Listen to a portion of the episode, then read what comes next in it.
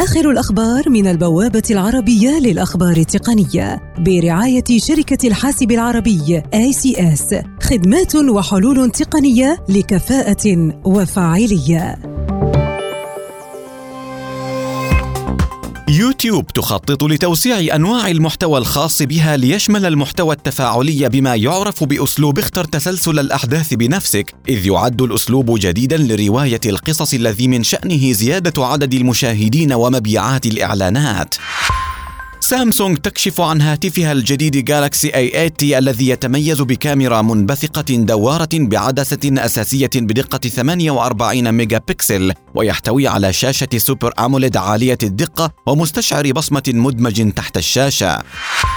شركة Oppo تعلن عن أحدث هواتفها الرائدة Oppo Reno و Oppo Reno 10x Zoom Edition والتي تمتاز بالعديد من المزايا. أهمها أن تصميم الكاميرا فيها غير اعتيادي إذ يسمح بالتمتع بشاشة كاملة بدون أي نتوء.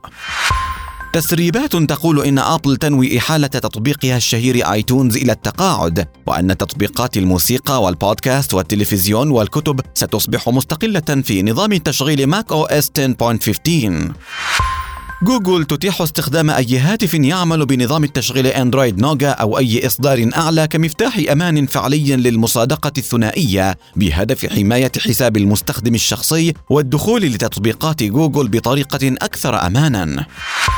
فيسبوك تؤجل للمرة الثانية إطلاق ميزة مسح سجل التصفح إلى وقت لاحق هذا العام، ويعتقد أن هذه الميزة سوف تضر بفيسبوك نفسها من حيث قدرتها على استهداف المستخدمين بالإعلانات.